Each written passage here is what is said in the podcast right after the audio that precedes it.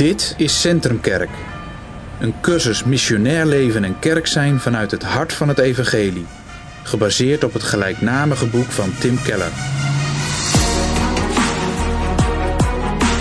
Module Stad.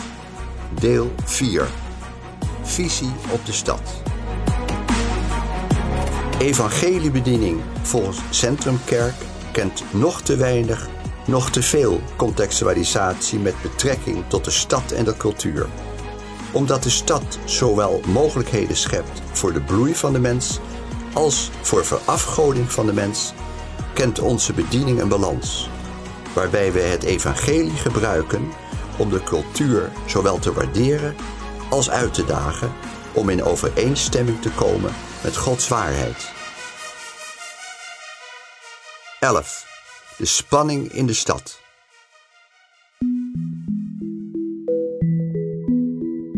De stad is een topprioriteit voor het leven en het werk van christenen in de 21ste eeuw. Aldus Tim Keller.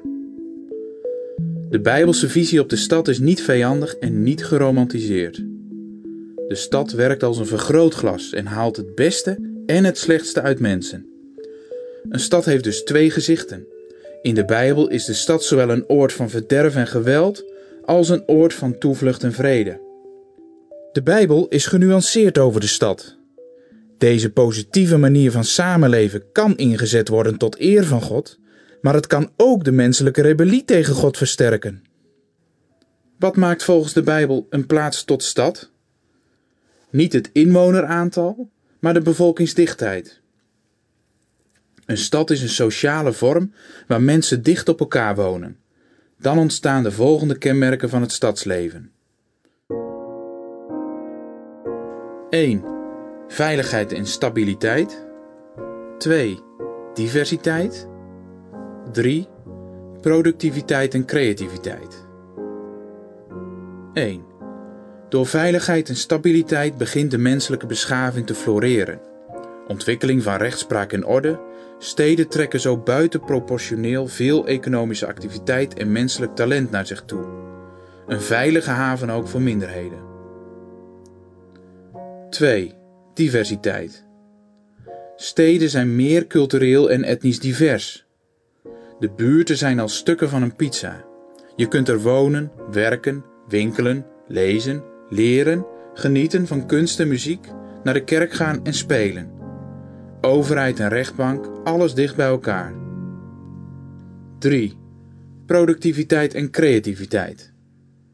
Menselijke cultuur floreert in de stad. Er is meer talent. Alle ontmoetingen leiden uiteindelijk tot creativiteit. Steden zijn zo centra van culturele intensiteit. Een plaats wordt een stad als alles dichtbij is.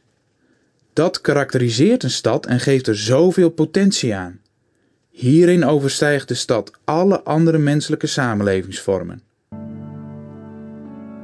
De stad in het Oude Testament. Wat een stad zo geschikt maakt om goede dingen tot stand te brengen, zoals de bijdrage aan de cultuur in de vorm van kunst, wetenschap en technologie, kan ook gebruikt worden om een groot kwaad voor te brengen. Er is een diep gewortelde neiging tot corruptie en afgoderij.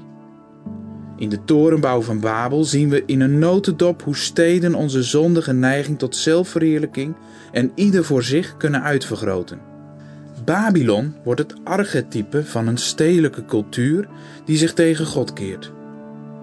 In Hebreeën 11, vers 8 tot 10 lezen we dat Abraham door zijn geloof in tenten woonde, omdat hij uitzag naar een stad met fundamenten, door God zelf ontworpen en gebouwd.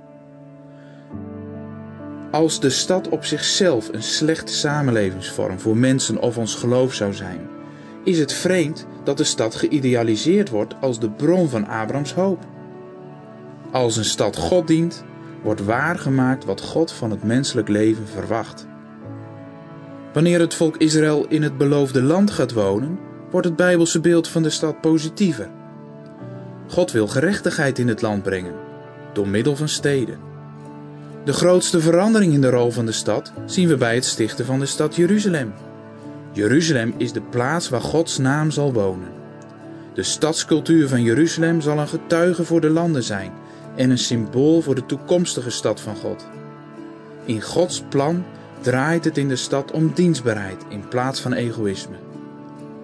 Sinds de tijd van David spreken de profeten over Gods toekomst als over een stad. De stad staat centraal in het goddelijke plan. Het grote conflict op geestelijk gebied speelt niet tussen de stad en het platteland, maar tussen twee steden.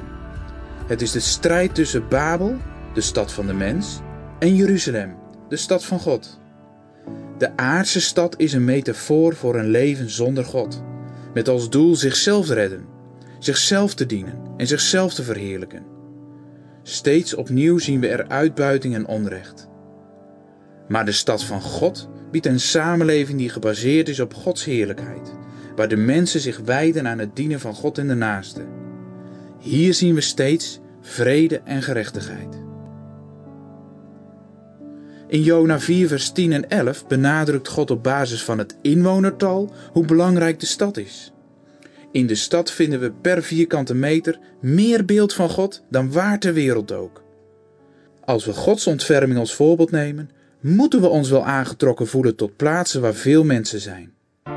Tim Keller zegt: Stadszendeling Bill Crispin vertelde me dat je op het platteland meer planten dan mensen vindt en in de stad meer mensen dan planten. Omdat God veel meer van mensen dan van planten houdt, houdt hij meer van de stad dan van het platteland. Ik vind het stevige theologische logica. Tijdens de ballingschap gaf God zijn volk de opdracht om in aantal toe te nemen en niet af te nemen. Ze moeten hun eigen identiteit vasthouden en groeien, maar tegelijk wil Hij dat ze zich vestigen en deel gaan uitmaken van het leven in de grote stad. God roept hen opvallend genoeg op om de stad te dienen.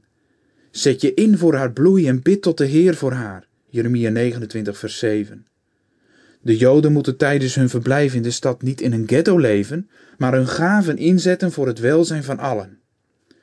De bloei van de stad zal tot bloei zijn van degenen die zich daarvoor inzetten. God heeft daarmee zijn reddingsplan voor ogen. Op deze manier wordt het evangelie over heel de aarde verspreid. In het Nieuwe Testament zien we opnieuw dat steden een grote rol spelen in de snelle groei van de vroege kerk en in het verspreiden van het evangelie van Gods redding. In de volgende aflevering hebben we het over verlossing en de stad.